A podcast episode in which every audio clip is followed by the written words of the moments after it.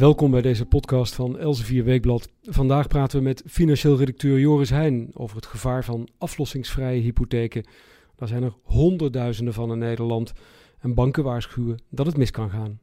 Laten we maar met de deur in huis vallen. Als je nou als luisteraar een aflossingsvrije hypotheek hebt, moet je dan zorgen gaan maken? Ja, er is een grote groep uh, mensen, een groeiende groep mensen met een aflossingsvrije hypotheek die uh, richting einde gaat. En uh, als hij echt eindigt, dan kan je echt een groot probleem hebben.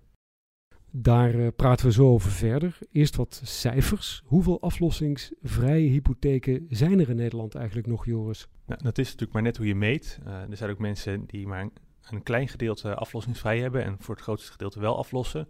Maar in totaal kan je zeggen dat zo'n 60% van alle hypotheken in Nederland, die heeft een deel aflossingsvrij. En uh, er wordt geschat dat ruim 1 miljoen hypotheken echt bijna volledig aflossingsvrij zijn. En dat is dus de, de groep waar de grootste problemen mee uh, verwacht worden. En um, kun je uitleggen wanneer zijn die aflossingsvrije hypotheken eigenlijk populair geworden? Nou, vooral eind jaren 90, uh, rond de millenniumwisseling, hè, toen stegen de huizenprijzen heel erg. Dus de mensen dachten, nou ja, ik hoef niet af te lossen, want mijn huis wordt vanzelf meer waard. Uh, dan heb ik overwaarde, uh, dus dat aflossen, dat hoeft niet. Um, vervolgens, de huizenprijzen prijzen stegen ook heel erg. Dus voor starters was het soms, moest je wel een aflossingsvrije hypotheek nemen, omdat je zo'n hoge schuld op je nam, dat je eigenlijk alleen nog maar de rente kon betalen. Dus dat is de periode dat, uh, dat de aflossingsvrije hypotheek echt is opgekomen. Want je zegt, hè, op een gegeven moment kwam er een einde aan die populariteit van de aflossingsvrije hypotheek. Wat was de aanleiding daarvoor? Op welk moment dachten mensen van ik moet dat product toch maar niet meer kopen? Nou, na de kredietcrisis in 2008 gingen de huizenprijzen uh, dalen. En toen kwamen, hè, omdat heel veel mensen niet hadden afgelost, ontstond het probleem dat huizen onder water kwamen te staan. De schuld was groter dan de waarde van het huis. Ja, daar was men toch, hè, begon men zich toch achter de oren te krabben. Is dit wel een goed product? Kwam natuurlijk ook bij dat de overheid uh, moest bezuinigen. Uh, de hypotheekrenteaftrek was natuurlijk een forse kostenpost. Dus in 2013 is besloten om uh, voor starters op de woningmarkt geen aflossingsvrije hypotheek meer mogelijk te maken. Die moesten gaan aflossen. En mensen die er eentje hadden, mochten hem wel houden. Maar ja, dat was dus eigenlijk een beetje het, het einde van, van de aflossingsvrije hypotheek. Op zich lijkt me dat een slim product, maar waar zitten dan de gevaren precies? Kun je dat uitleggen? Nou, aflossingsvrij mensen denken, ik hoef nooit af te lossen.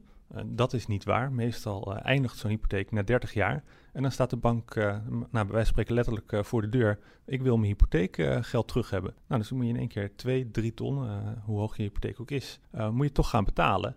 En ja, als je dat niet op de bank hebt staan, dan zal je je huis moeten verkopen. Maar wat me verbaast, een bank zou ook kunnen zeggen: ik verstrek jou een, een, nieuwe hypotheek. Maar waarom doen banken dat dan toch niet? Ja, we hadden het net al even over de kredietcrisis. Hè. Banken waren voor die tijd heel royaal in het eh, uitlenen van geld. Die regels zijn allemaal veel strenger geworden.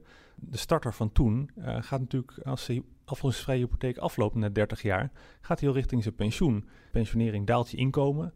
Uh, dus ja, dat zijn allemaal redenen voor banken om, om, toch sceptischer te zijn. Plus, wat ook nog eens speelt, in 2001 is besloten om de hypotheekrenteaftrek, die natuurlijk een heel groot fiscaal voordeel geeft aan mensen, te beperken tot 30 jaar. Dus als je ook nog eens zometeen je hypotheekrenteaftrek verliest, dan stijgt je maandlast ook enorm. Dus ja, banken zijn heel sceptisch om, uh, om dan nog een hypotheek te verstrekken. Ik heb de indruk dat het thema ook niet helemaal leeft bij mensen met een aflossingsvrije hypotheek. Wat, wat me wel opviel uit de cijfers is dat er veel meer wordt afgelost dan uh, pak een beetje tien jaar geleden. Zijn mensen nu aflossingsvrije hypotheken toch af aan het lossen? Hoe verklaar je dat?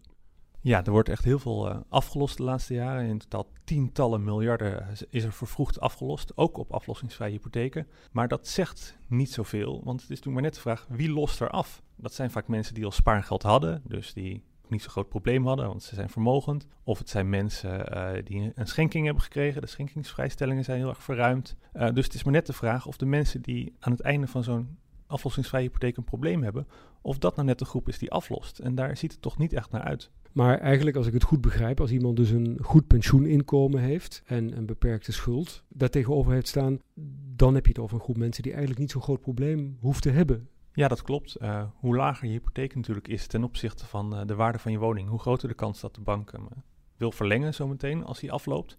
Een grove maatstaaf is als je minder dan 80% schuld hebt ten opzichte van de waarde van je woning, hè, dan is de kans veel groter dat de bank uh, wil verlengen. En, um, maar heel veel mensen denken alleen maar daaraan. Terwijl wat ook van belang is, is je inkomen, ook na je pensionering. Dus als je inkomen niet hoog genoeg is om die rente te betalen, dan willen de banken ook niet je hypotheek verlengen. En veel mensen denken dan, ja, maar ik heb toch 30 jaar lang netjes betaald, die rente altijd op tijd. Uh, ja, dat doet er dan niet meer toe. Een, grove maatstaf is als je uh, meer dan 4,5 keer je, je jaarinkomen wil lenen. Ja, dat wil de bank toch niet meer eigenlijk.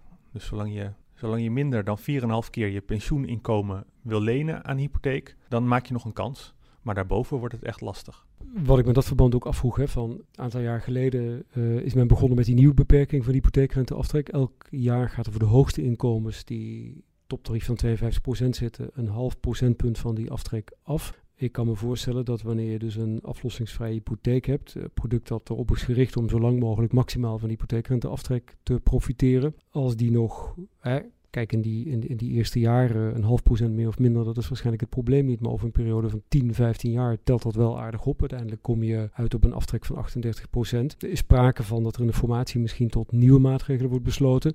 Ik kan me voorstellen dat dat hele verhaal uiteindelijk ook de druk op mensen met aflossingsvrije hypotheken en trouwens ook andere hypotheken waar, waar, uh, waar niet wordt afgelost volgens een uh, strak ritme, denk aan spaarhypotheken, dat die druk wel wordt verhoogd. Ja, je ziet nu natuurlijk al dat er een enorme stimulering uitgaat van die lage spaarrente om vervroegd af te lossen. Als je nu, ING heeft een spaarrente van 0,05 procent.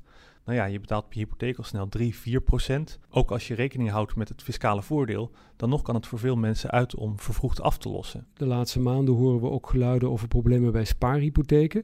Je hebt daar een artikel over geschreven voor Elsevier Weekblad. Kun je ons vertellen wat daar specifiek aan de hand is? Want dat lijkt me over een kleinere groep te gaan. Klopt dat? Ja, de spaarhypotheek uh, klinkt natuurlijk veel veiliger dan een aflossingsvrije hypotheek. Hè. Je, je spaart voor je aflossing. Uh, met fiscaal voordeel ook nog eens. Maar wat blijkt nu? Dat mensen, uh, ondanks dat fiscale voordeel, aan het einde van de looptijd, dus vaak na 30 jaar, uh, toch een fikse naheffing kunnen krijgen van de fiscus. En hoe komt dat nou? Omdat het zo'n fiscaal voordelig product is, uh, heeft de Belastingdienst er ook een, een, limiet aangesteld aan wat je mag opbouwen. En uh, er is een groep mensen, alleen al bij marktleider Rabobank zijn het waarschijnlijk 10.000 mensen, die over dat fiscale maximum heen gaan. En dan kan je dus echt een naheffing krijgen van in sommige gevallen wel tienduizenden euro's. Heb jij nog tips voor mensen die zich in zo'n positie bevinden? Wat kunnen ze doen? Moeten ze, uh, moeten ze naar de bank gaan of naar een hypotheekadviseur om de zaken te laten bekijken? Ja, in veel gevallen zal de bank zelf of de tussenpersoon zelf contact opnemen met mensen met wie er een probleem is. Maar ja, het kan net zijn dat je tussenpersoon failliet is gegaan in, tijdens de kredietcrisis. Of dat de bank zijn systemen niet op orde heeft. Dus het kan nooit kwaad om, als je denkt dat er een probleem is, uh, contact op te nemen met de bank. Uh, de banken hebben, net zowel bij de spaarhypotheek als bij de aflossingsvrije hypotheek, toch een plicht om een beetje um, mee te denken met de klant. Ja, dat kan zeker geen kwaad. Nu is er door uh, vooral uh, jongere mensen die uh, sinds 2013 alleen nog annuitaire hypotheken, die voor de mensen die luisteren, die, die binnen 30 jaar maandelijkse termijnen worden afgelost, hè, die, die, kunnen ze afsluiten nog, willen ze gebruik maken van de hypotheekrenteaftrek. Daar is heel veel over geklaagd. Maar je kan in ieder geval vaststellen dat dit soort problemen, zoals je die beschrijft met spaarhypotheken en ook met de aflossingsvrije hypotheken, daar heeft deze hele categorie mensen in ieder geval geen last van. Dat klopt hè? Ja, dat klopt aflossen is, klinkt natuurlijk niet leuk, maar is uiteindelijk wel uh, verstandig. Oké, nou dan moeten die mensen het allemaal mee doen, lijkt me. Joris, hartelijk dank. Tot de volgende keer.